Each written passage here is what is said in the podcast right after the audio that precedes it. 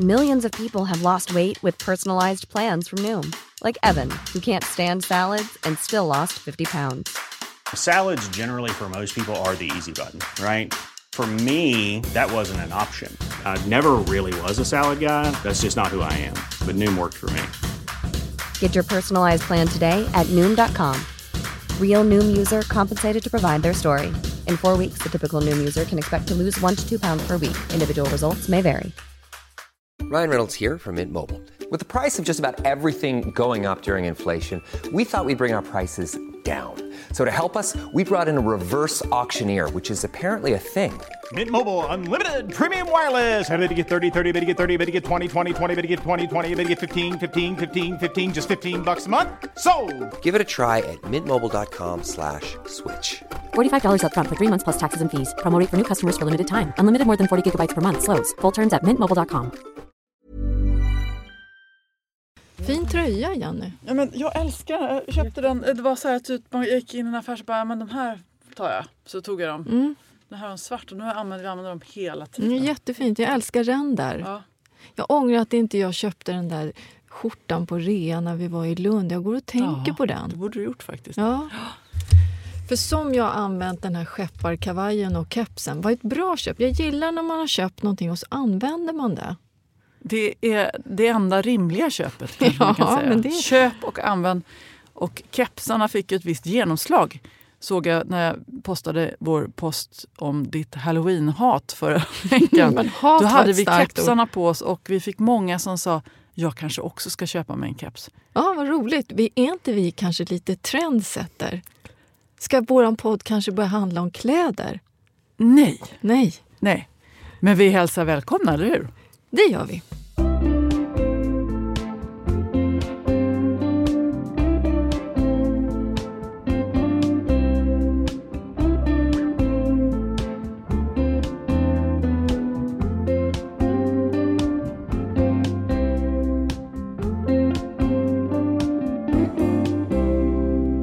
Hjärtligt välkomna till avsnitt 124 av Röda vita rosen-podden som publiceras dagen före alla helgona afton är det väl? Eller när nu ska vi reda ut det här. När är själva alla helgona-dagen och aftonen?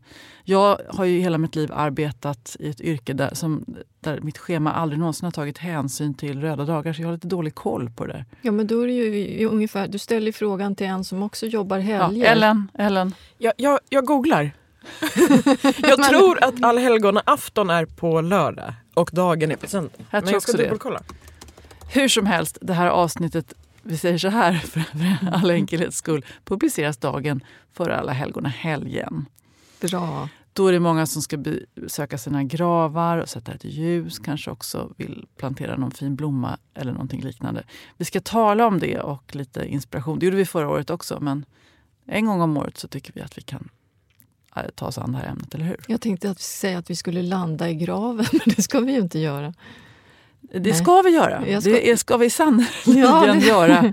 Det är det enda vi är säkra på här i livet. Men vi Ja. väntar väl ett tag. Det vore roligt att få göra lite fler grejer. Men du, du skickade en länk till mig igår som, som fick mig att vakna till lite. Om att, att det inte är så bra med det här för miljön, det här med kremering. Att det släpper ut mycket växthusgaser. Ja, det sägs ju så. Och eh, om man då väljer att eh, kistbegrava så tar ju det upp en eh, jättestor yta. Vilket inte heller är särskilt smart när vi blir fler och fler människor i det här landet. Så då finns det ett tredje alternativ som är att låta sig komposteras. Ja, Och det här! Då, ja, nu så! Det kändes som att det passade in Ja, i både eller podden och våra kynnen. Ja, eller så här, det är inte en tillgänglig metod ännu i Sverige. Det är inte lagligt. I Sverige kallas det för jordifiering.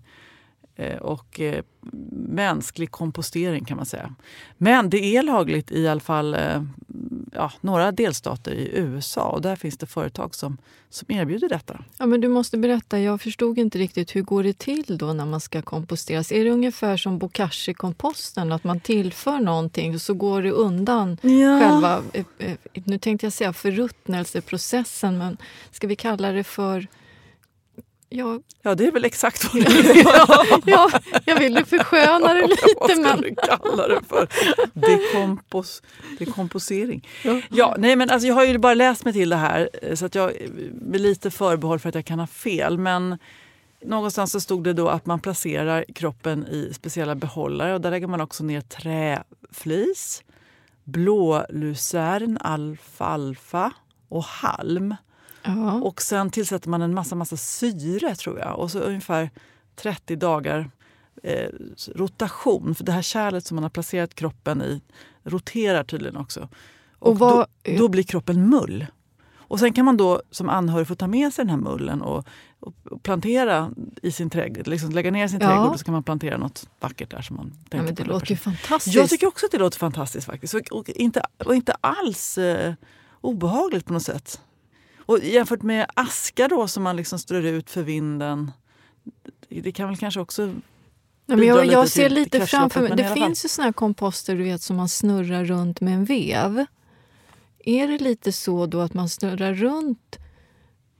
Är det någon nisse då som... Först har jag lagts då i den här kompostbehållaren och så ner med en massa flis och alfagroddar och vad det nu var för någonting. Och sen vev, vevar han runt mig där då? Ja, så är det ju en massa mikrober i kroppen och så stimulerar man den här Ja. förruttnelseprocessen. Nej, men det här mull. känner jag ju...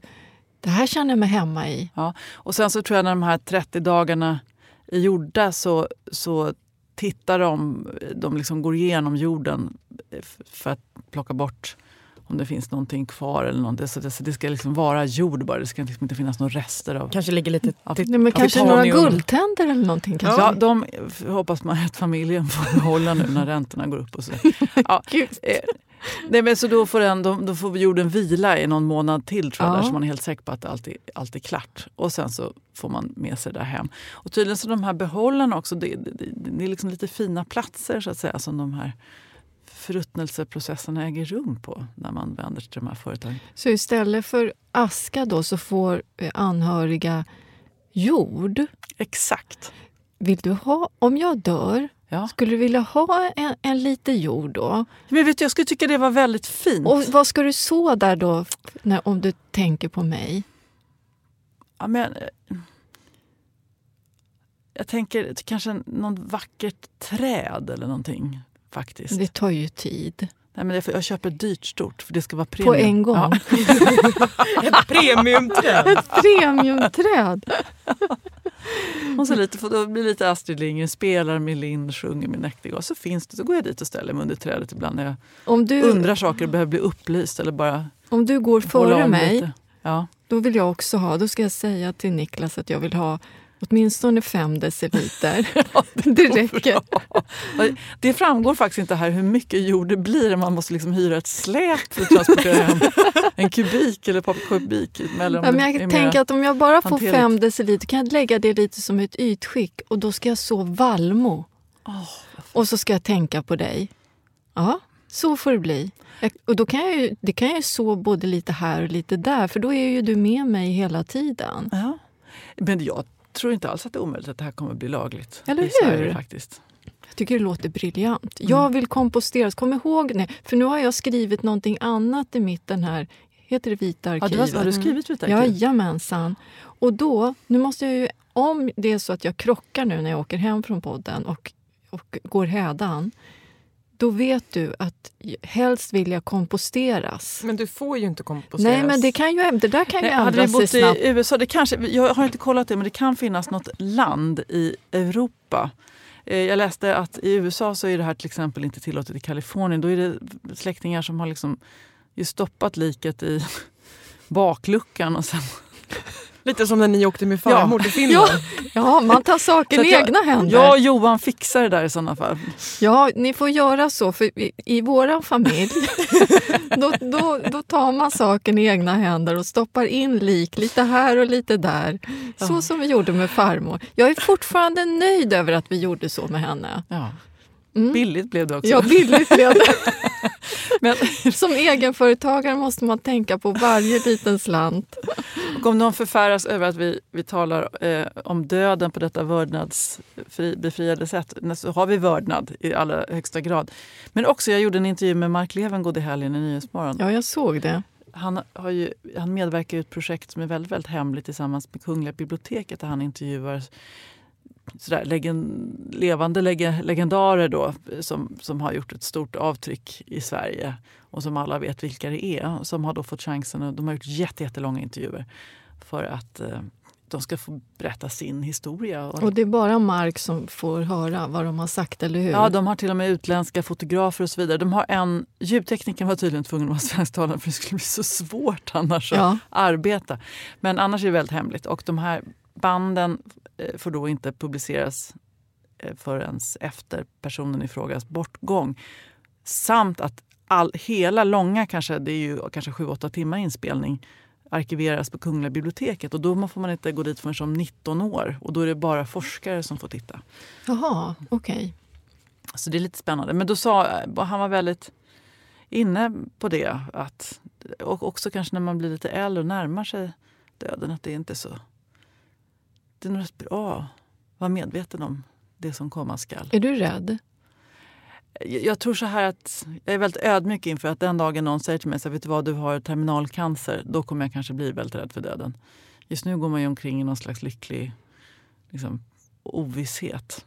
Mm. Men ska det inte vara så? Det vore. Jo, såklart. Men, men, jag, men jag tänker ganska ofta på att om, om jag skulle få ett sånt besked så får jag inte klaga för jag har haft ett fruktansvärt eh, bra liv hittills. Jag, kan inte, jag har liksom sett så mycket, upplevt så mycket. Träffat så många Ja, människor. träffat så många människor, varit med om så mycket skoj och fått så mycket kärlek och fått ge så mycket kärlek så jag kan inte klaga på någonting. Jag känner mig också nöjd med mitt liv.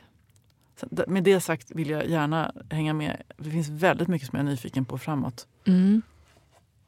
Med alla människor man älskar. Några fler poddavsnitt. också. Du, ja, det blev ja, döden, döden, döden som man brukar säga. Men du, du har ju haft lite mer lättsamheter också. Mm. Madonna! Ja, vi var ju på Madonna. Nej, men det var väl... Det Du var... tyckte det var katastrof. Säg som det ja, jag tyckte det var dåligt. Det var pissdåligt. Det var för att ni hade dåligt ljud? Eller? Jag var så dåligt ljud. Det var ju bara en enda stor bas. Hela kroppen vibrerade. Jag hade öronproppar. Showen var ju häftig. Men, Men satt ni konstigt då? Eller? Nej, vi satt på en läktare. Men jag vet inte om då högtalarna kanske var riktade mot läktarna men det gick ju inte att höra vad hon sjöng. Det var bara bas i två och en halv timme. Nej, det där kände jag var inte värt. Jag hade hellre var legat hemma i soffan och tittat på Postkodmiljonären. Eller varit på middag hemma hos oss? Ja, det, exakt! Det var ju det jag missade. Men Det jag var hörde, gott. Det blev gott. Kan jag vad gjorde du för någonting? Nej, det var en väldigt klassisk. Jag gjorde en böff. Fast, fast jag, hade, jag struntade i champinjoner. Jag gjorde en liten svensk böff. Så hade jag massor, massor med torkade trattisar i för den som sög upp så den blev så lite Åh, vad gott. krämig. Det var jättegott. Dessert då? Och så var det löjrom, det tycker du om. Jag älskar Jag löjrom. hade gjort världens, världens godaste chokladtårta. Death by chocolate. Utan mjöl. Det är, bara, det är nästan som en fondant. Ja. Åh, vad gott. Med man, 400, så här, och 70 choklad som man smälter med smör. Ja. Och sen vispar du bara ägg över vattenbad. Och Mm. lite socker, det är knappt något socker i heller. Och sen så blandar du ihop det där och gräddar i vattenbad i ugnen en kvart. Alltså, Så som- riktigt så här eh, fet chokladsmak. Ja, fast den är väldigt luftig. Men den, Ah. smä- den, är liksom, den är, ja, smälter liksom lite nästan som fudge. En lätt, lätt fudge. Alltså, den är jättegod. Systrarna Voltaire är det som har levererat det här receptet. Det är roligt. Det är sånt där recept som jag har haft jättelänge. Som alltid funkar. Men jag har, inte, jag har inte dragit det kortet på många, många år nu. Så kom jag på att jag skulle göra det. Åh, vad gott. Den är inte, Ja, där skulle man ju ha varit. Ja. Istället för att suttit på en läktare med öronproppar. Sen glömde jag ju ta ut den. Det var ju en sån här vaxöronpropp som jag fick låna av Susanne som var med. Ja, det var inte ditt eget öronvax alltså? Nej, utan sen på morgonen tyckte jag att Johan pratade så tyst. Då hade den ju, jag hade ju glömt att ta ut, för den var som en, det var som två kluttar, så en klutt var ju kvar i örat. Tänkte, vad mumlar han hela tiden? Det är så det kommer bli. Det är så det kommer att bli. Det är mycket tillställningar här tycker jag. På, på lördag ska vi, vi ju, min kära väninna Kristina, hon fyller 60 så hon ska ha en stor, ett stort kalas inne i stan. Och jag ska ju hålla tal, så då har jag hållit på med det här talet fram och tillbaka och skrivit om och lagt till och tagit bort. Och, men nu tror jag att det sitter, nu ska jag bara läsa in det. Läsa in det. Ska du ha ett bandat tal? Nej, men jag... Ja, du ska lära dig Jag det. ska ja, lära förstår, mig jag förstår, jag talet så att det bl- blir eh, bra. Jag, jag håller aldrig spontantal. Utan det här, här ska det var noga. Du är en briljant talare. Det, det kommer bli vara roligt. Du får be Johan spela in så vi får se det efter. Ja, det, vi får se. Men det ska bli roligt i alla fall att gå på kalas. Mm. Och på, dagen, eh, på söndag ska vi hem till mamma med alla barn och eh, hundar och eh, mina barn och hennes det är barn. ändå det mysigaste. Ja, söndagsmiddag hemma hos Åh, mamma. härligt. Trevligt. Ja, jag älskar söndagsmiddag. Du, vad har du skrivit här för någonting? Hibiskusakuten. Nej, men jag, åh, åh, jag har ju då en hibiskus som har växt sig gamla, ganska stor som jag har fått av en väninna, ett litet skott för några år sedan. Och det skottet fick hon en gång av en släkting som hade kyvat det på biblioteket i Västerås Jaha, på 70-talet. Det är en röd hibiskus. fylld. Eh, nej, det är den inte. Nej. Men den är fantastiskt vacker den Ja. blommar. Den har blommat flera gånger och jag har haft den på landet. Och nu tänkte jag att jag tar in den därför att hibiskus ska ju ha, inte för mycket fukt, men ganska jämn fukt. Ja. Och det blir lite för långa torkperioder där så tänkte jag ta in den. Men problemet är att det var ju svalt och skönt på landet.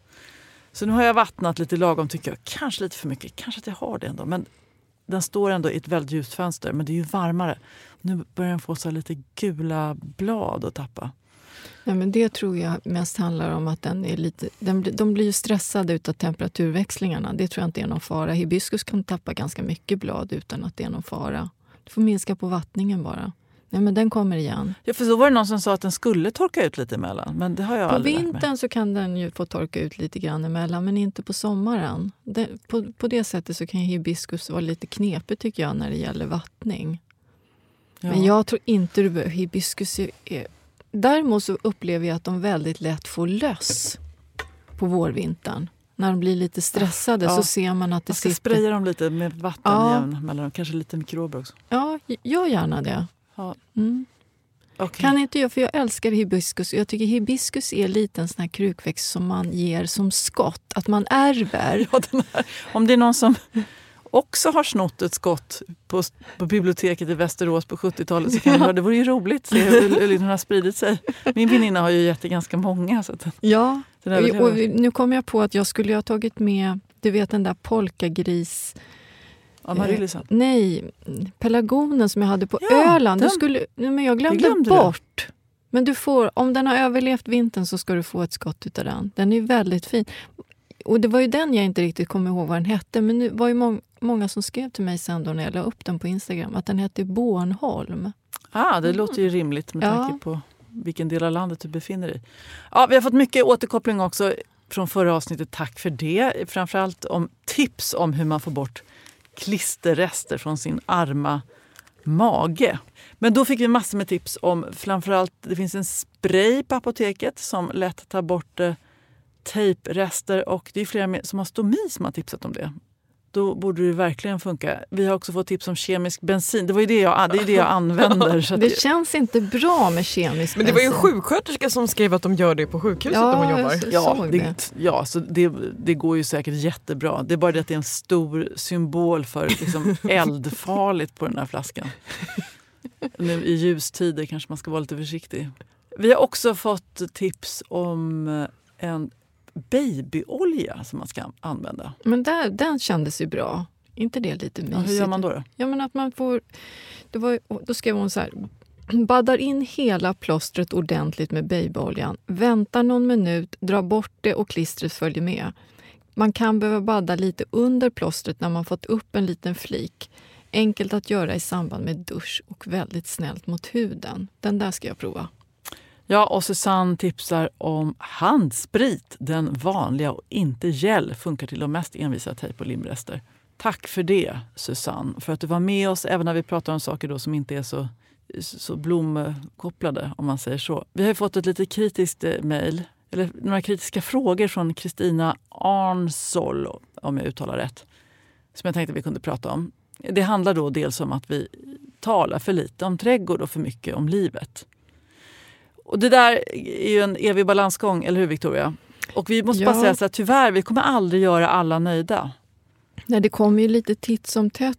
Eh, Jag har jättemånga som säger, kommer fram till mig ofta på, eh, när jag är ute och handlar. Hej, jag lyssnar på er podd. Jag spolar bort när ni pratar om trädgård. Jag vill bara höra om det andra. Och sen har vi ju eh, den här gruppen då som vill höra mer om trädgård. Det är svårt. Ja, eller så är det bara så att det här är ju ett sidoprojekt som vi gör vid sidan av våra vanliga heltidsjobb. Och vi gör ju det här så länge vi tycker det är roligt och vi har lust. Och ibland har, är den där lusten åt hållet att vi vill tala mer om livet. Ibland vill vi bara prata om trädgård. Och ibland vill vi bara prata om döden. Ja, och då gör vi det. Eh, eftersom det är själva fundamentet för hela podden. Men då vill vi bara påminna alla om att det finns en spolknapp. Ja, det är, och, och det är gratis också. Ja. Eh, Kristina undrar också så här, jag vill tillägga att era samtal om åldersångest gör att vi som är 10 eller 15 år äldre än er ställer den logiska frågan, hur ser ni då på oss? Ja, och det har vi ett väldigt rakt och enkelt svar på. Vi ser på alla levande kroppar med stor vördnad. Även på de döda kanske jag ska tillägga med tanke på Ja. dagens tema. Eh, kroppen är ju vansinnig. Den är magnifik. Och eh, vi dyrkar den för att den låter oss leva livet. Ja, framförallt kvinnokroppen. Och med det sagt så förändras ju kroppen och då vill jag citera min kära, kära framlidna svärmor Margareta Strömstedt. Det är övergångarna som är värst. Och det gäller ju de flesta passager i livet. Det gäller skilsmässor, sorg, barn som flyttar hemifrån, förlust av eh, olika funktioner, kroppsfunktioner eller eh, helt enkelt skinn som slappar. Vi, övergångarna är problematiska för många och då måste vi prata om det. Det betyder inte att vi på något sätt eh, eh, ger omdömen Nej. om saker och ting utan det handlar om att vi bara vänjer oss vid en ny form. Jag tycker det är skönt att prata om det ibland också. Är det inte det? Det lättar lite på trycket och ökar acceptansen. Vi högaktar oss själva och framförallt så högaktar vi andra. Ska vi prata om graven nu igen? Ja, det gör vi det tycker jag. Därför att, Nu vill Ellen För- säga något här. Jaha. Kommer jag komma med lite överraskande nyheter. Ja. Allhelgonadagen är idag. Den första november. Gud, här sitter vi och... Onsdag den första november. Ja. Eh, Vad då är det halvdag idag? Eller? All Saints Day, första november 2023. Nej, men, nu, men nu är du på någon amerikansk kalender. Nej, nej, nej, det här Jo. stämmer inte. Betyder det att man får gå hem tidigare? Allhelgonadagen och All Saints Day är samma dag. Jaha. Första Ja, november. det var därför det var stängt på någon sån här... Nej, är det idag? Nej, idag är Men det då ska ju folk vara lediga idag. Är folk lediga idag? Nej. Nej. här sitter vi. Ingen Som är vanligt. ledig. Nej, men alltså... Jag har inte träffat på någon som är ledig. Det är ju Nej, det var överallt. ju eh, jättemycket trafik när jag körde in hit. Det är ingen som är ledig idag. Nej, så här är det faktiskt. Alla helgons dag flyttat till en lördag. Så är det. Det är det. Man har flyttat till lördag, så då är det på lördag. Jaha. Ja, Är vi, är vi klara på det? Kan nu? vi slå klubban i bordet och... ja det är ungefär som man flyttar midsommar alltid till en fredag. Till en fredag. Ja, vad skönt, för jag blir väldigt förvirrad. Ja, jag med. Jag tänkte, har jag miss... Jag hade kunnat varit ledig. Nej, men vi är ju inte det. Nej, och för er som undrar, men vad är 17 gubbar? Det här har ni väl koll på, ni är ju ändå gamla människor. Nej, det beror som sagt på att vi har jobb som inte bryr sig om röda dagar. Mm, precis. Det här med att gå hem, tänk att jag aldrig, aldrig fått så här halvdag på jobbet dagen innan. Jag vet inte ens vad Tvärtom det är. nästan, för man jobbar på en röd dag så är det så här, då, är all, då går alla andra hem så är det så mycket kvar måste göra ännu mer. Ja, precis så är det. Och jag tänker bara på att jag spar pengar om jag jobbar. Ju mer jag jobbar, desto mer spar jag. Ja, så är det. Ja. En egenföretagares lott i livet. Får jag då ställa en fråga om gravar och eh, blomsterhyllningar eller dekorationer, vad man väljer att kalla det för, grav, gravvården. Går det trender i det? Nej, det skulle jag inte säga. Jag tycker det är väldigt traditionellt. De flesta vill ju lägga sin sån här granrisbukett och med lite kottar. De är inte jag så himla förtjust i. Nej, Det förvånar mig inte. Men finns det några eh, liksom, etikettsregler just när det kommer till att pryda gravar? Vad, vad får man göra, vad får man inte göra? Finns det något sånt? Det, nej, det är inte som jag känner till att det finns några sånt. Men däremot så kanske man ska tänka till lite. Jag, jag, tror att det, jag tycker det är fint när man väljer någonting som är personligt utifrån den som man saknar och har bäddat ner där i sin grav. Eh, jag kan tycka att det är väldigt, väldigt fint bara med att man köper mossa och lägger som en liten alltså, alltså en liten kudde utav mossa och så lägger man en liten, liten handbunden krans utan nypon till exempel. Oj, vad fint. Eller det skulle kunna vara en liten handbunden krans utav ljung. Att man köper en kruka med ljung och så klipper man blommorna och lindar runt en ståltråd. Alltså inget märkvärdigt. Jag gillar när det är lite, lite åt det enkla hållet. Att det, det får inte vara för storslaget. Lite åt det hållet. Sen är jag ju väldigt svag för julrosor. Jag tycker att det är fint. Och Det brukar finnas så fina just nu. Alltså de här fyllda som är lite svagt, svagt rosa eller vita med prickar Mm. i botten. Ja, jag, såg, jag såg några sådana och undrade. De kan jag inte ta in för de kommer dö omedelbart. Ja, men jag tycker inte man, nej, man ska inte ta in dem. Men julrosor kan jag tycka är väldigt fint att sätta på en grav så här på hösten. Sen eh, om man skulle vilja ha något lite mer åt det ljusa hållet då tycker jag att det kan vara jättefint att blanda silverek som har de här lite ludna bladen och så blandar man det med silvergelang som ser ut som silvriga trådar. Så mixar man det och planterar. Det kan man behöva fyra, fem plantor och så sätter man dem riktigt, riktigt tätt. Och så ett ljus i mitten.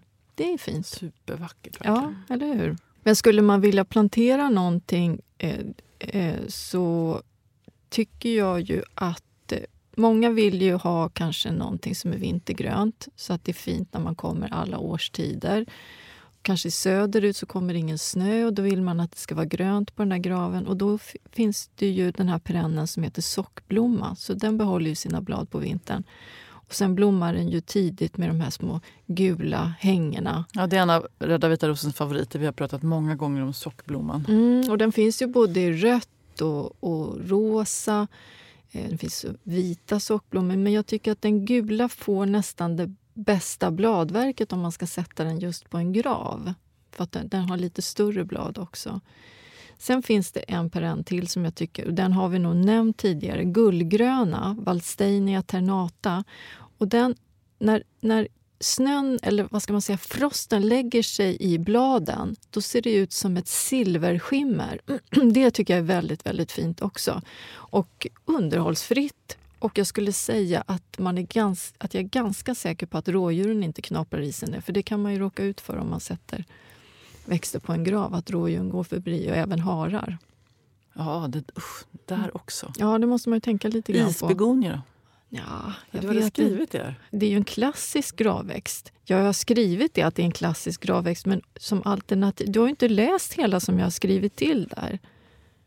Följ manus! Nej, men jag, jag ställde den frågan därför att det är en klassisk. Jag undrade om du skulle komma med en lång pekpinne här och säga Ja, jag det tänk- hatar isbegonier. Hat använder jag inte i samband med växter. Jo, det kan jag göra ibland. Boll, Bollkryss. bollkryssen. Nej, men då...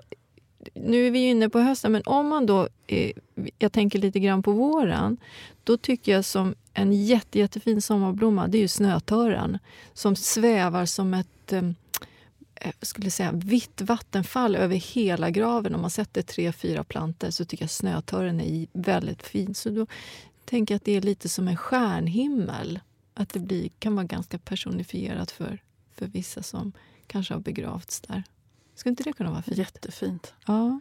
Sen är det ju många som har kanske en liten eh, plakett bara på en sten tillsammans Mm. med många andra. Man har sänkt ner urnan där. Det finns ju så många olika varianter. Då har man lite mindre plats. Då är det nästan kanske lite mer den här kvisten med nypon Mm. som man kan plocka ihop och så vidare. ja, varför inte? Va, vad står det i ditt vita arkiv? Ska du ha sten eller plakett eller strös? Eller? Sten vill jag ha, gärna tack.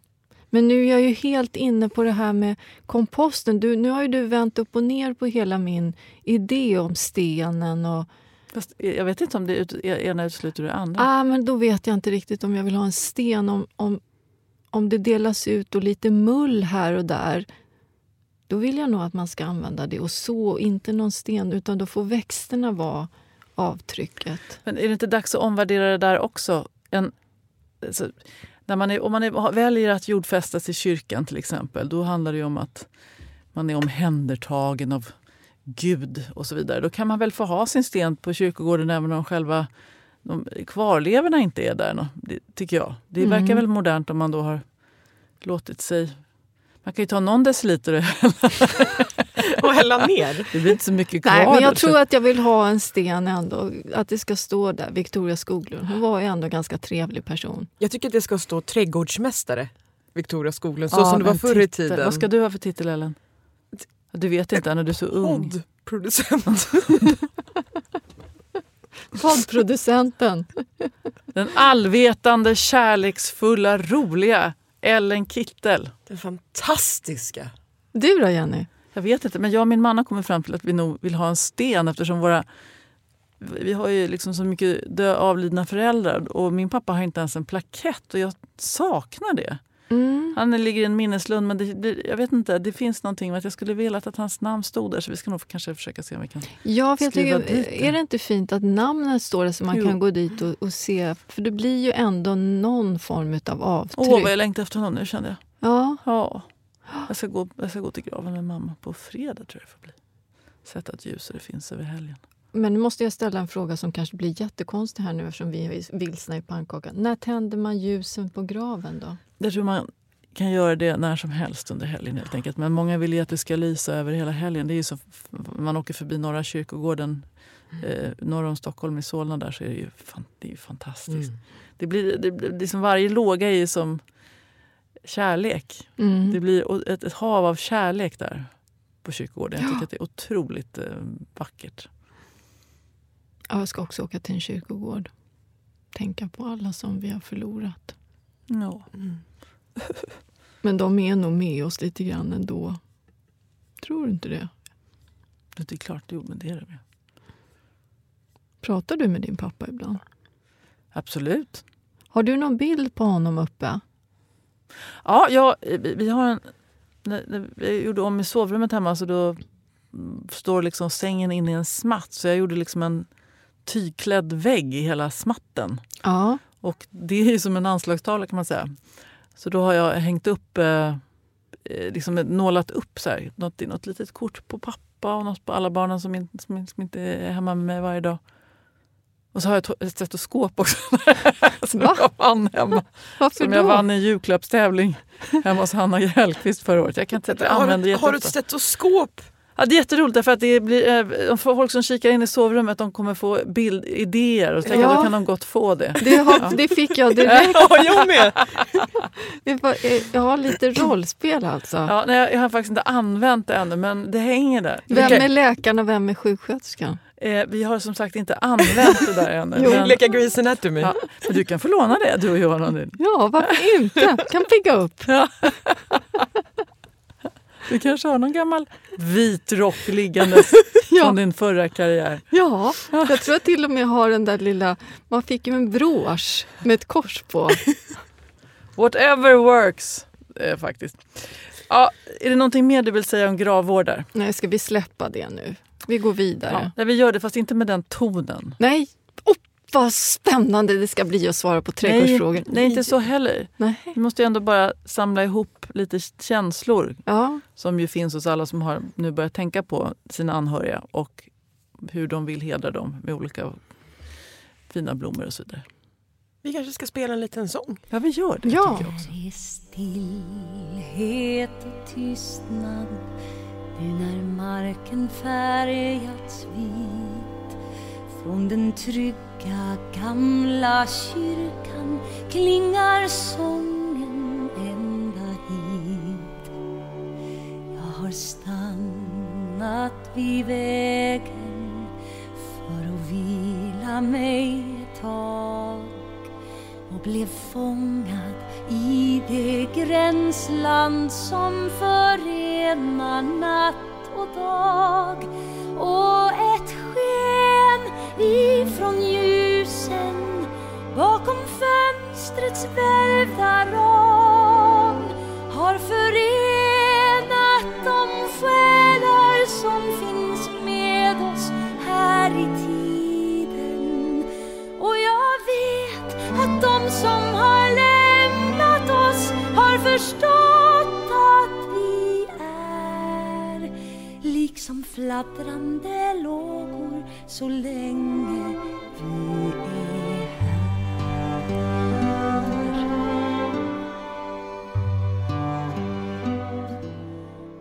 Nu Nu har vi fått in en massa frågor som vi ska försöka svara på. Och en kommer ifrån Camilla i Värmland. Hej kära rosor och vänner. Ja, ni är mina nära vänner men ändå inte en helt okej relation i tiden vi finns i. Jag köpte en rödbladig perukbuske nu på höstkanten. Ska plantera den när jag hittat bästa platsen. Men det blir till våren, så hur förvarar jag den bäst i vinter? undrar Camilla i Värmland. Ja, då undrar jag så här, det kan, ha, kan det ha kommit snö där? Visst har det väl det? va? Så Ja. nu svarar vi kanske på den här lite för sent egentligen. Det som hon skulle kunna ha gjort det var ju att eh, gräva ner hela krukan i ett skyddat läge i trädgården. Sen hade hon kunnat gräva upp den, men frågan är om hon kan göra det nu om det har kommit snö. Då skulle jag i så fall, om det är så att hon har massor med snö, så föreslår jag att hon antingen ställer hon in den mot en vägg och så lindar hon in hela busken i något isolerande material. Eller om hon kan ställa in den bara i ett, i ett kallt förråd. fungerar också. Nu framgår inte riktigt vilken sort det är, men är det så att hon har valt Grace, det är ju, den är lite härdigare än den andra som heter Royal Purple, tror jag den heter. Nu är jag inte helt säker. Men Grace är i alla fall den härdigaste. Ja, jag föreslår ett förråd, tror jag är säkraste kortet. När vi talar om Värmland. Ja, ja det var en hel del snö. Den kan ju ha smält bort också. Hej, säger Anki Dahlberg. Jag lyssnar alltid på er fantastiska podd. Angående övervintring av min snart treåriga japanska lönn så ger den mig huvudbry denna höst. Brukar låta den övervintra i 10-gradig vinkällare utan fönster och utan blad förstås. Men i höst, 22 oktober, står lönnen redan i varmbonat garage 10-15 grader full med röda blad och prakt. Full! Ställde in den när första frosten kom och nu minusgrader på nätterna. Bor i zon 5 längs Norrlandskusten. Ska jag ta ut den igen och låta bladen vissna av sig själva ute? Hur gör jag?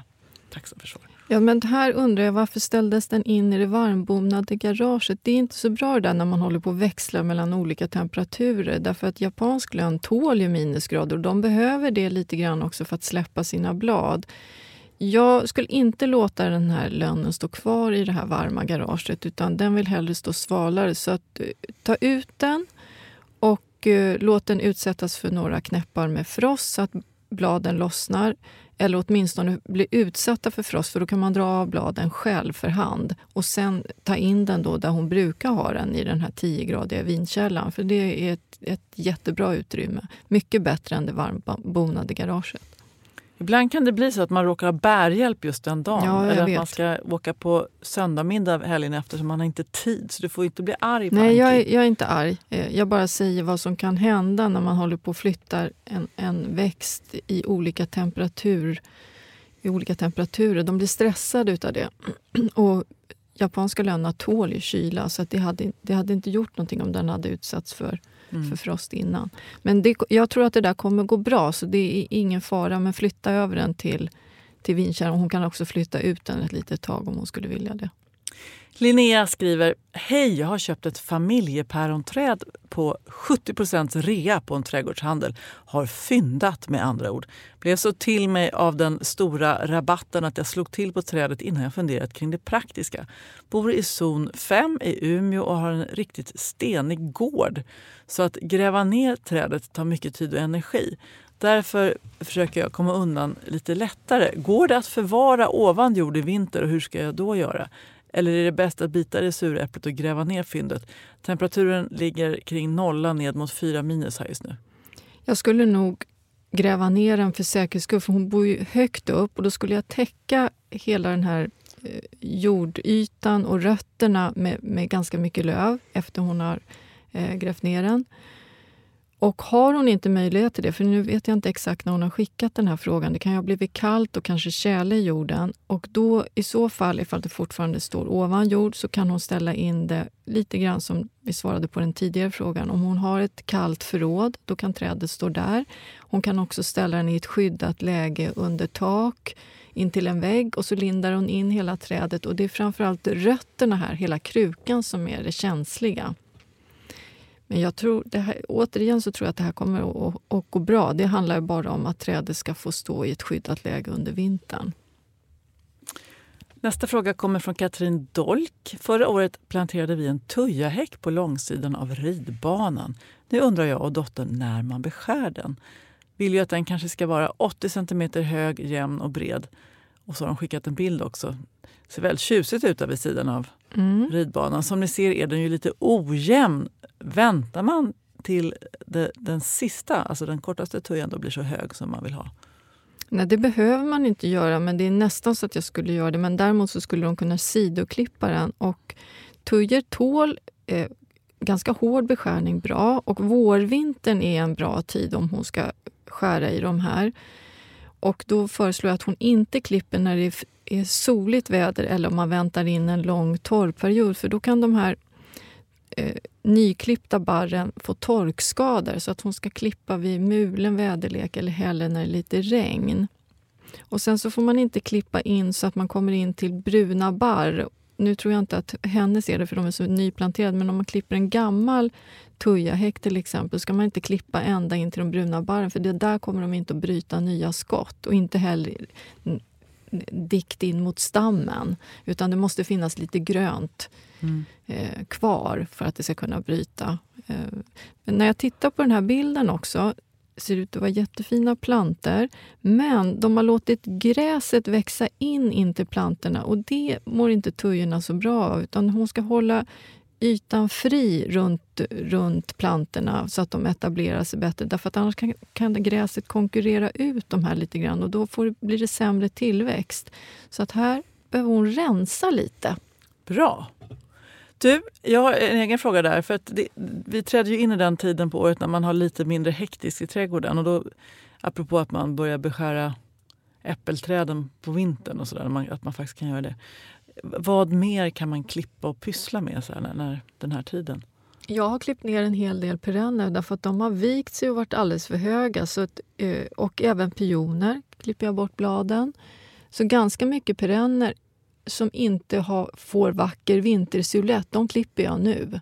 Eh, ibland låter jag eh, allt det här riset ligga kvar ovanför plantorna som ett skydd. Men det beror lite grann på vad det är. Är det tåliga plantor då tar jag bort det redan nu. Och jag tycker också att det är lättare att sätta lök emellan plantorna om jag har klippt ner dem för då ser jag ytan mycket bättre. Men jag klipper inte längre häcken, jag klipper inte eh, beskär inga buskar längre utan det låter jag vara. Mm, Så det är egentligen bara om man vill putsa i de nedvissnade Ja, det skulle perennerna? jag säga. Okej. Ja, och det är en liten smaksak kan man ju säga. Du, ehm, Trädgårdsmästarens kalender finns ju ändå lite att pyssla med. Ja, det kommer hela tiden frågor om det här med många som har satt lök i kruka och hur gör man med dem nu på vintern? Och då är det så att lök i kruka vill inte ha något vatten utan det räcker med det vattnet som man... Precis när man har planterat löken så vattnar man och sen så ställer man krukorna torrt. Därför att det är vanligaste felet att de står ute och det regnar och snöar ner i krukorna så att de ruttnar. Så ställ dem torrt. De kan stå ute i minusgrader men under en terrass. Jag har jättemycket krukor under våra terrassbord på altanen till exempel. går alldeles utmärkt. Eller inne i ett växthus, inne i ett förråd. Men att de står torrt. Det är själva tricket med att man lyckas med lök i kruka. Så det här med att man ska vattna på vintern ska man alltså inte göra. Okej. Har du börjat... Jag gick förbi en, en jättefin blomsterhandel här på väg hem nu. De hade massor med amaryllisar. Jag blev sugen men jag vill inte... Jag vill ändå spara lite av julens fröjder tills det verkligen är dags. Ja, men det gör nog jag också. Men däremot om man köper amaryllislök med- på rot, alltså som en barrotslök som inte är fördriven, då måste de komma i jorden nu. För det brukar ta mellan 6 till 8 veckor innan de börjar eh, sätta knopp och börja blomma. Så vill man ha dem till jul, då är det, då är det hög tid att köpa amaryllis. Om man vill ha dem klockan 12 på julafton. Jag lägger på. Ja, det är bra. Ja, I övrigt så har jag massa äpplen kvar. Jag ska faktiskt gå hem nu och jag, jag hade tänkt att jag skulle göra äppelmos men jag, nu är jag i stan. Jag har inte min passersats här.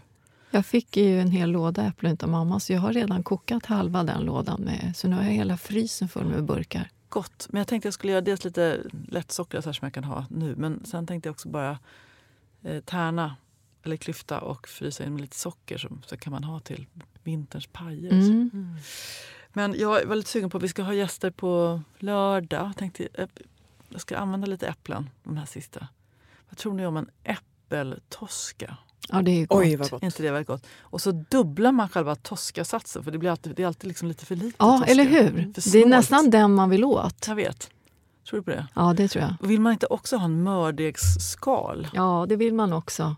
Jo, jag tackar. Jag tackar, ja. Ja, Där har du det. varför det blir lite lättvispad grädde. Eller glass kanske? Nej, Grädde är gott. Mm. Fräscht. Gott. Kanske med lite, lite yoghurt i. Det, det blir ju toppen. Lite syra. Blir med med mjuk grädde. Oj, oj, oj. Mums eller mums. Ska vi säga tack för idag? Ja, vi säger så. Kram på er alla rosor där ute. Vi hörs nästa vecka. Hej då! Hej då! Hej då!